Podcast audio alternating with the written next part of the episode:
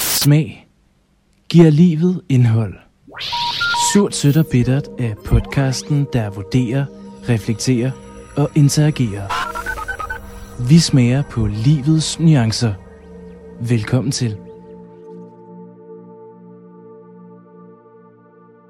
Velkommen til første afsnit af min nye podcast, Surt, Sødt og Bittert.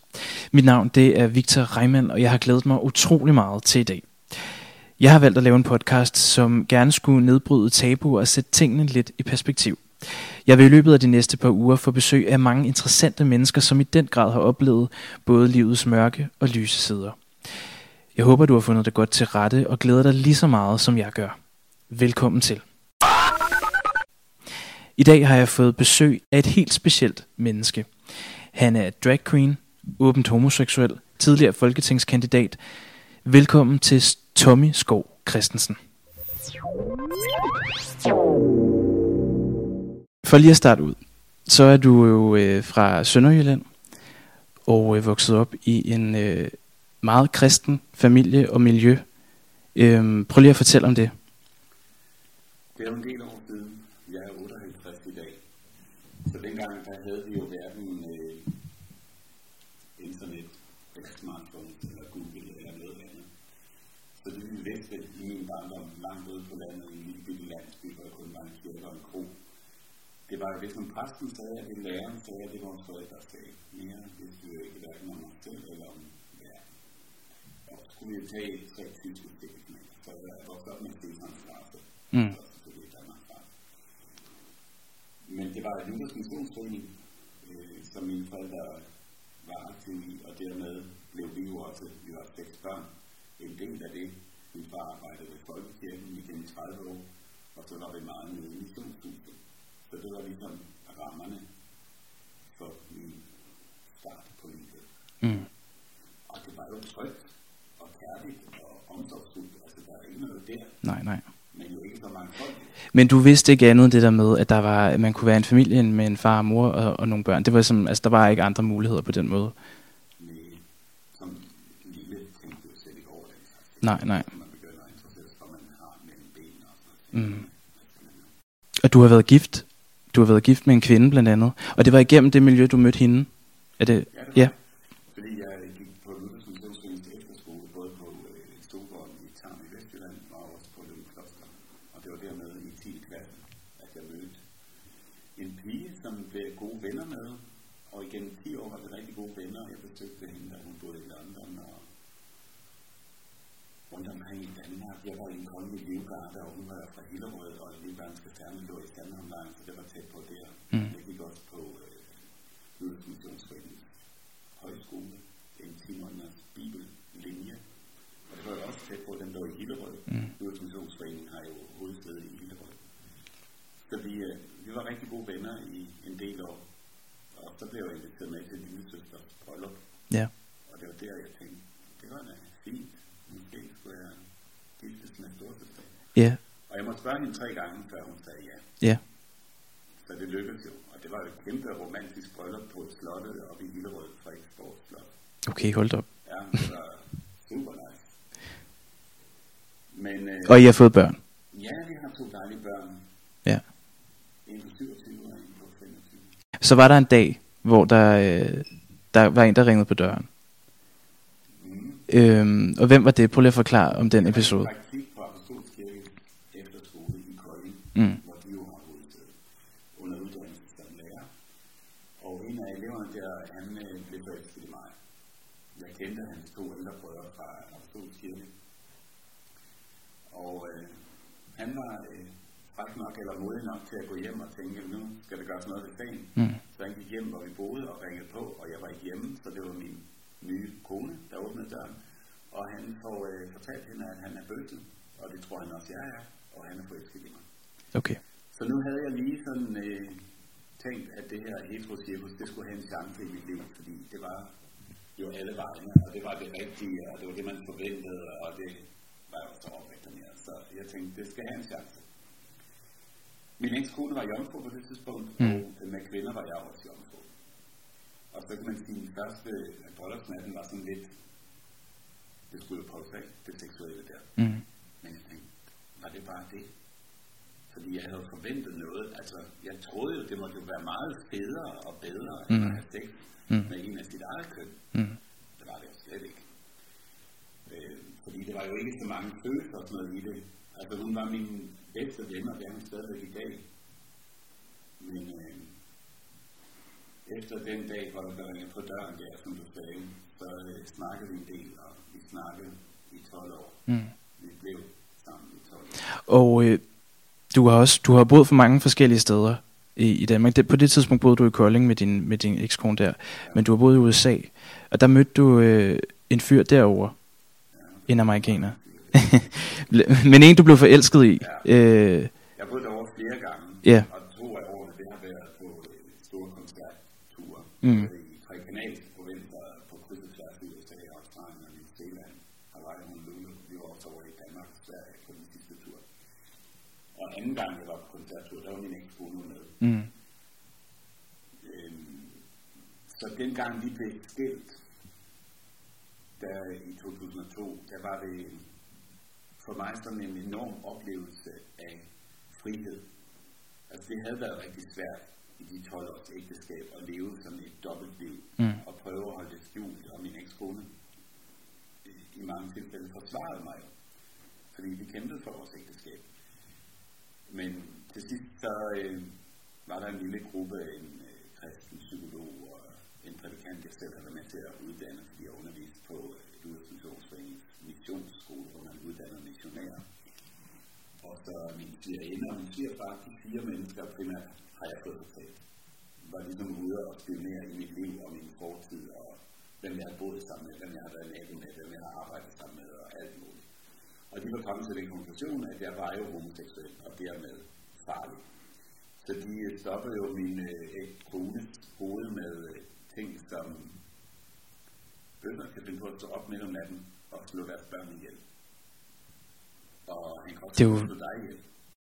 Du kan godt forestille dig det psykiske pres, der kommer fra hendes egne nærmeste, og egentlig også mine nærmeste. mm, Øh, og en dag er det jo for meget for hende, så øh, da jeg kommer hjem fra arbejde, så er de gået under jorden. Altså de har nærmest bortført dem. mm, Og vi bor på det tidspunkt i Aarhus, og de bliver placeret på Nordsjælland. Men jeg finder dem rimelig hurtigt, og efter halvanden uge, så de flyttet hjem igen, og så skilles vi under lidt mere rolige forhold. mm. Så i dag er vi begge børn og min ekskone. I dag har det ikke godt. Ja, ja. Åh, hvor godt. Godt. Det er jo ikke nogen hemmelighed, at øh, du er åben omkring, at du er HIV-positiv. Øh, og du er også en forgangsperson på den måde, at folk ligesom øh, ser op til dig, og du ligesom kan fortælle om det, og du er bl- blandt andet en del af det her menneskebiblioteket, øh, som, som tager ud og fortæller øh, om forskellige ting. Prøv lige at for, for, øh, fortælle om menneskebiblioteket. Altså det HIV-positive, det kom jo ind i verden der efter skilsmissen. Ja. tog jeg hurtigt til USA og mødte en fyr, som jeg blev forelsket i. Og der havde jeg min første sådan ægte forelskelse, hvor jeg kunne leve det ud. Ja. Den der frihed, jeg havde fået til at leve, ligesom jeg nu er. Mm. Kysset på gaden, og vi gik i hånden og i butikkerne og alt sådan noget. Jeg tænkte, hold da kæft. Så han øh, tog sin hund med og fløj til Danmark, og så boede vi sammen så fire måneder, men han var så voldelig, og så var jeg nødt til at, at skille mig med ham igen. Mm. Ja, det lyder lidt drastisk, men det var super svært. Altså, da jeg kørte ham til lufthavnen i Aarhus, så sad jeg derude i lufthavnen og hylede i flere timer, efter han var fløjet, ikke? fordi jeg kunne ikke forstå det. Jeg var aldrig blevet slået, hverken med en lærer eller forældre eller noget som helst. Han var den første, der slog mig. Og det var ham, jeg var højst, fordi jeg kunne ikke få tingene til at hænge sammen. Mm-hmm. Det endte jo med, øh, tredje gang han stod mig, at jeg ligesom måtte vælge, fordi min ekskone er ikke talte om alle ting. Og hun hørte jo godt, at øh, der skete ting og sager. Så hun blev sådan rolig for, at når børnene var over og besøge os, hvad foregår der, så ser de den her vold eller hvad. Mm.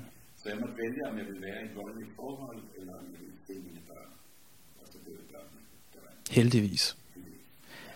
Men det var ham, der, der gav dig, altså, Ja, der smittede dig. Han smittede mig, fordi de sidste måneder, hvor vi bor sammen, der har vi hver vores soveværelse, men fordi der havde jeg lige besluttet, at det var slut. Men vi mødtes jo alligevel for at dele sex. Og der må man så sige, var det så hans skyld eller min skyld? Lidt den holdning, at jeg har ansvar for min krop. Så det, jeg tillader, der sker med min krop, det er ligesom mit ansvar. Mm. Men vores sexseancer kunne jo godt tage lang tid, måske flere timer.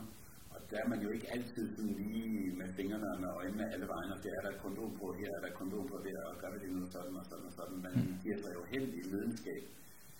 Og, og der indrømmer han så efterfølgende, at han har gjort det med en anden ekskæreste også, fordi han blev sur over, at det skulle være slut. Mm. Han vil gerne gå i terapi, han vil gerne blive i Danmark, han vil gerne det ene og det andet. Jeg kunne bare ikke overskue det, fordi jeg var ny fraskilt og skulle have alle enderne til at hænge sammen. Og Mm. så det endte på den måde der, at han var til hjem. Og, øh, og du, har, du har ikke noget kontakt med ham i dag? På, ja, ja, ja. Men det var der, du blev, blev, øh, blev smittet? Ja, efter at det forhold var slut, øh, tænkte jeg, nu er det igen tid til at gå ned og blive testet. Og Ja. den første test var så negativ, så jeg tænkte, det var fint. Men så skal man jo have den konfirmatoriske test. Mm. Den var så positiv. Mm. Og derfor ved jeg jo præcis, hvornår jeg blev smittet, og hvem jeg blev smittet af. Mm. Og derfor har jeg også kunnet få medicin, lige så snart jeg havde brug for det. Så jeg har aldrig faktisk hverken følt eller set eller mærket HIV i min krop på nogen som helst måde. Nej. Det jeg har mærket, Ja. at det er den medicin, man får. Det er skrabbesager. De bivirkninger, der er ved medicinen, man får. Ja. Ja. Den første cocktail eller kombinationsbehandling, jeg fik, den var for voldsom, så den sagde jeg straks nej til. Mm. Og den næste, den øh, var jeg på måske en uge eller halvanden, og endte med at blive indlagt. Og så fandt vi en tredje kombination, og det er den, jeg stadigvæk er på i dag. Ja. Og det fungerer super. Altså, jeg lever fuldstændig almindeligt. Nej, almindeligt, det lyder så kedeligt. Jeg lever fuldstændig forrygende liv. Men du har det godt, det er det, du prøver at sige, altså i forhold til, ja. Og det var også det, jeg gerne ville øh, tale med dig om, lige før med det der menneskebiblioteket, fordi du er jo sådan en person, der tager ud og taler om de her ting. Øh, prøv lige at fortælle om, hvad det er for et koncept, fordi det er jo egentlig ret, det er jo ret dejligt, at man kan få sådan nogen ud som dig. Ja. Jeg vil gerne lige et skridt tilbage, men så skal jeg nok ende der. Ja, Fordi da jeg oplevede den ultimative frihed efter skilsmissen til at kunne leve som den jeg er, ja, så blev jeg konstateret helt positivt, så ligesom om, så havde jeg fået en ny hemmelighed. Og jeg tænkte, er jeg nu i skabet igen mm. et eller andet? mm, Og hvad skal jeg gøre med det her monster HIV? Og der var jeg så heldig, at jeg fik en mulighed for at komme med i nogle øh, tv-dokumentarudsendelser og tale frit omkring HIV. Og så var den ude af boksen, mm, og det var dejligt. Og jeg tror, den oplevelse har givet mig blod på tanden til, at jeg så har været med i Menneskebiblioteket nu af to omgange. Først var jeg tidligere bare et års tid, øhm, og så igen nu her har jeg været med i 3-4 år. Menneskebiblioteket er en størrelse, som er opfundet i Danmark faktisk. Det kan vi godt være stolte af. Det er fantastisk. Og nedbryde fordomme. Mm. Alle slags fordomme. mm, Og i dag er det udbredt til omkring 60 lande i hele verden. Er det frivillige som mig selv, der møder op med hver vores spændende livshistorie. Der er nogen, der er døve, der er nogen, der er blinde, der er nogen, der er i kørestol, der er nogen, der er hurtig i panden, der er nogen, der har tatovering over det hele, der er nogen, der er kropsudsmykket, der er politifolk, der er muslimer og jøder og kristne, der er bøsser og lesbiske og transkønner, der er alt, hvad du kan forestille dig, folk har fordomme om, det har vi på det, man kunne kalde byerne. mm. Fordi vi er jo mennesker, men vi kalder det et bibliotek. Og I bliver lånt ud. ligesom bøger, men det er jo, ja, mm, mm. Hvad vil det egentlig sige? Prøv lige at forklare det.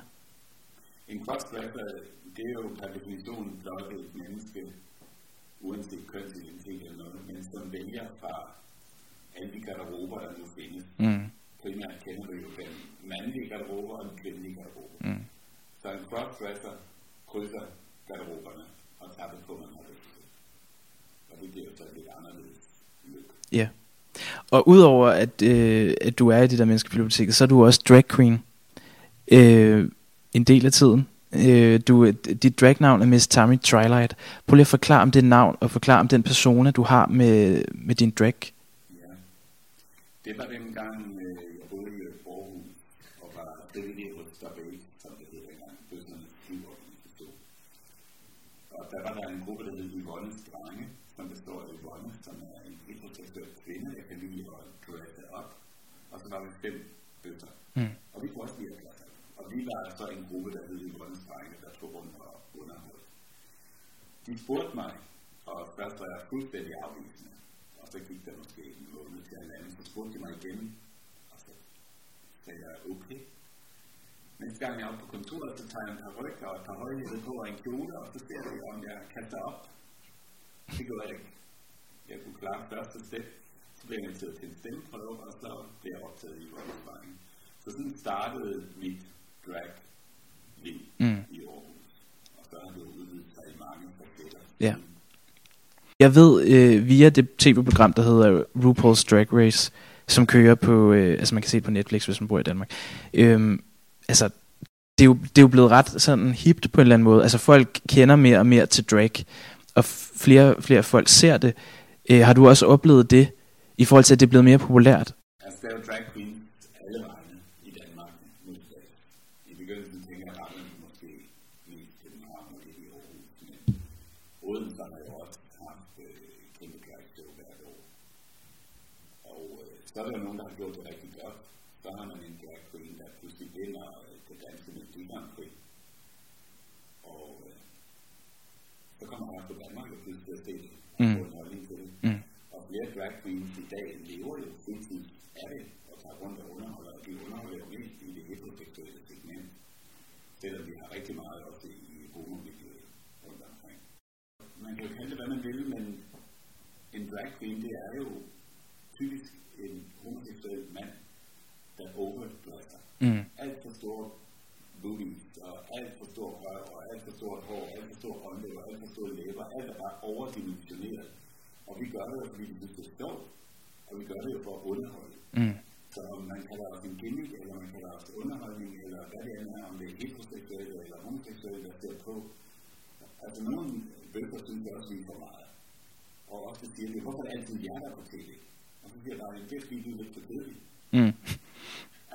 Tv vil jo gerne have sensationer, vil gerne have noget, der måske skiller sig lidt ud. Er lidt farligt og lidt... Ja, øh... Ja, ja. Så lad os nu øh, tage godt imod den mangfoldighed, der findes, og give plads til os alle, tænker jeg. Jeg har set et billede af dig, hvor du er drag queen til, til Pride'en, hvor du har en, øh, en øh, grøn sløjfe ja. på dit bryst. Og det vil jeg gerne lige tale om, fordi den grønne sløjfe, det, det har du nærmest dig, der har opfundet den på en måde. Prøv lige at forklare om den. Jo, det var fordi, altså vi har jo AIDS-sløjfen worldwide, og den er jo et symbol på Men så har vi jo i den vestlige verden fået så meget styr på det, som jeg selv har skitseret mit eget liv med medicin. Altså jeg lever jo i dag med det, vi kalder smittefrit HIV. Mm. Altså du kan sluge min sperm og drikke mit blod dagen lang. Du kan aldrig få HIV fra mig. Jeg er smittefri. Og den information mangler vi også at få ud i kongeriget i Danmark. Jeg har brygget Søren Brostrøm, som vi nu alle kender i kravtøjet utallige gange og haft ham i debatter. Ham kendte du før vi, alle vi andre vidste, hvem han var? Yes, ja. fordi jeg vil have ham til at lave en landsdækkende kampagne, så danskerne lige viser sig lidt ned omkring det her. Ja. Der er jo omkring 98 procent af alle de positive, der er jo ikke at tale åbent om det. Mm. Og det er jo... Det er tankevækkende. Det er voldsomt for et menneske at gå med så stor en, øh, hvad skal man sige, hemmelighed eller information om sig selv, som man ikke kan dele med nogen andre. Altså det tager på ens livskvalitet og ens øh, frihed mm. til at agere. Kom jeg Øhm, jamen, det var mere, hvordan du ligesom havde fået den her sløjfe i spil. Det er fordi, jeg tænkte, at vi skal fokusere lidt mere på HIV. Og der var jeg jo glad for, at i de år, jeg taget bestyrelsen fra HIV Danmark og var frivillig der, at det netop altid har heddet HIV mm. Mm. Fordi i Danmark og i den vestlige verden handler det om HIV, og hvordan vi håndterer HIV og lever med HIV. Derfor synes jeg, at det var altid sådan lidt selvmodsigende, at vi så skulle rende rundt med en AIDS-sløjfe. Fordi mit liv har intet at gøre med AIDS hvis jeg vil ud og hjælpe i den tredje verden, ja, så kan vi tale om det. Og et fondet, som vi jo alle kender, de har jo mange projekter i den tredje verden, og det er fint. Så jeg synes, at have sin egen størrelse, og den skulle selvfølgelig være grøn, fordi mm. det er håbets farver.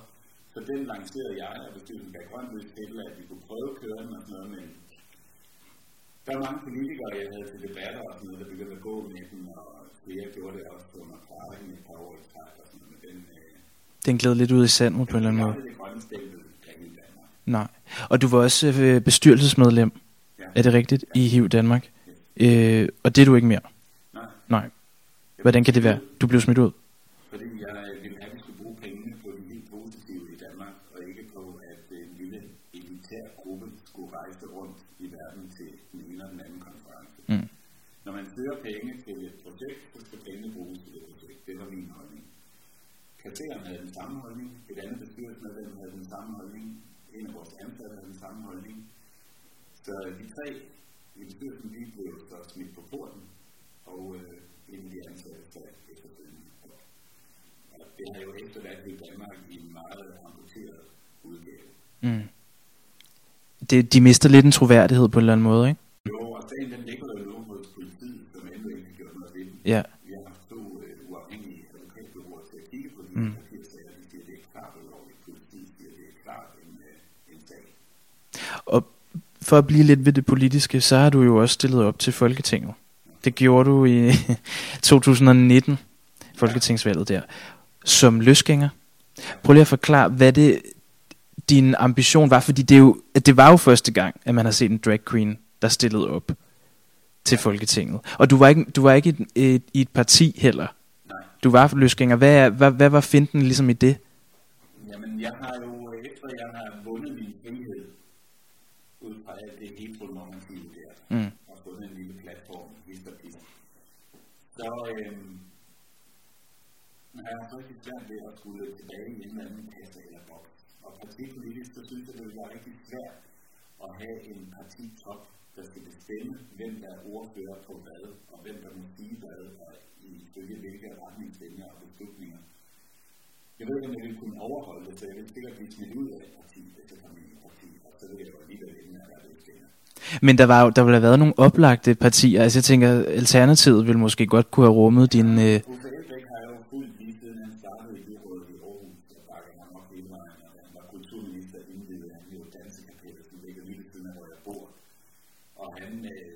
kom kom kom mm. Det, det gav mange sjove og gode oplevelser. Men det er ikke kun ham, der har spurgt. Det er også øh, Ja, piger var der også fra SF, og Mette fra øh, altså statsministeren, Mette Frederik. Ja. Mm. Det er jo ret, altså det er jo vildt. Ja, nu må vi se. Det var bare rigtig svært at få taletid, og der vil jeg gerne sige, at den danske presse, de er godt nok forstokket. Mm. Stadig. De, de har jo brugt mig flere gange på Godmorgen og Aften Danmark og i Lorry og forskellige steder. Jeg skrev jo til redaktionerne, men de havde ikke tid til noget som helst. Mm. Alt det, de plejer at lave. Da valget var slut, blev jeg så kontaktet og siger, nu har vi tid. Men nu er det ligesom forbi. Sagde jeg ligesom, nej, det er mig, eller hvad? Valget er jo overstået, Ja. ja. men så fik jeg lov til at skælde ud, og så trykte det. Ja. Men jeg har, jeg har set nogle citater, du har, du har sagt. Blandt andet det her med, at man kan kende et land øh, velstand på, hvordan de handler der, behandler deres minoriteter. Det synes jeg er et ret godt citat. Tak skal du have. Vil du prøve lige at sige noget kort om det?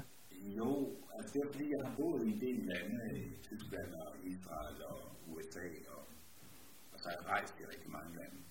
Og så begynder man jo sådan, eller jeg gør i hvert fald, at jeg er super nysgerrig på alt muligt, hvordan fungerer det ene og det andet i et land, og jeg vil gerne ind under huden Mm. øh, på befolkningen og så videre. Og der bemærker man jo hurtigt, at nogle lande, der har vi en række goder, kan man kalde det, fordi vi lever i et demokrati. Og et demokrati skulle jo gerne være betegnet ved, at man tager hånd om alle befolkningsgrupper, inklusive alle minoritetsgrupper. Og der er jo mange lande, hvor man netop er ude efter minoriteterne, Mm. og kører en hets imod dem, og slår dem ihjel og smider dem i fængsel, og alle, der har en anden mening end staten, de skal bare ned med nakken. Og der gik det ligesom op for mig, at man kan bare gå ind i et land, og så ligesom måle på, hvordan har de forskellige minoritetsgrupper i det her land, hvordan er deres levevilkår. Hvis de er dårlige, så er det et dårligt land. Hvis øh, de har det godt, Mm. så er det et bedre land. Og der er virkelig nogle lande, øh, altså også i Europa jo, som Ja. altså virkelig trænger til et... Øh, har jo indført de her homofrie zoner, præcis.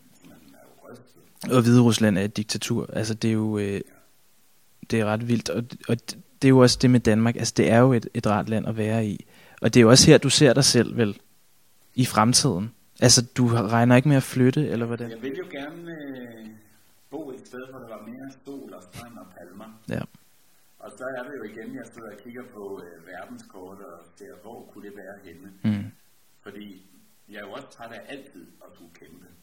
Og det synes jeg jo gør til dagligt, fordi man Altså, jeg springer jo ud som HIV-positiv næsten dagligt, jeg springer ud som homoseksuel dagligt, springer ud som crossdresser dagligt, fordi folk de spørger jo, hvorfor er det der på, og hvorfor er sådan, og hvorfor sådan. Og så svarer jeg bare, jeg er ligesom en åben bog, jeg har ikke så mange øh, tabuemner hos mig. Men det tager selvfølgelig en masse energi, men det giver også en masse super fede og dejlige oplevelser, heldigvis. Og samtaler. Ja. Mm. Men nu må vi se, når jeg kigger på globusen, så tænker jeg, at de knarske øer har jeg været rigtig mange gange. Mm. Og de har jo henvist under spansk lovgivning, som på et tidspunkt overhalede den danske lovgivning, Ja. homorettigheder angår. Ja. Og så er det jo sådan et sted, jeg så må vælge. For det var, hvis man kun kigger på naturen, så er det jo mange steder, jeg synes, det kunne være fedt. Men hvis ikke jeg kan leve frit i den Og det er jo klart. land, så ved jeg om det er det, der. Nej. Lige her kort til sidst. Overvejer du egentlig at stille op igen til næste valg? Det kunne godt være, Ja. men øh, Uden parti. parti. Okay. Med et parti. Mm. er.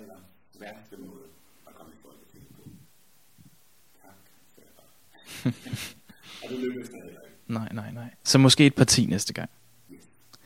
Ja, øh, vi har ikke mere tid i dag. Men jeg er virkelig glad for, at du vil komme. Og det, du er jo min første gæst. Så det her var jo øh, en premiere, som du var, som du var med i. Øhm, tak fordi du kom. Tak for Og tak fordi I lyttede.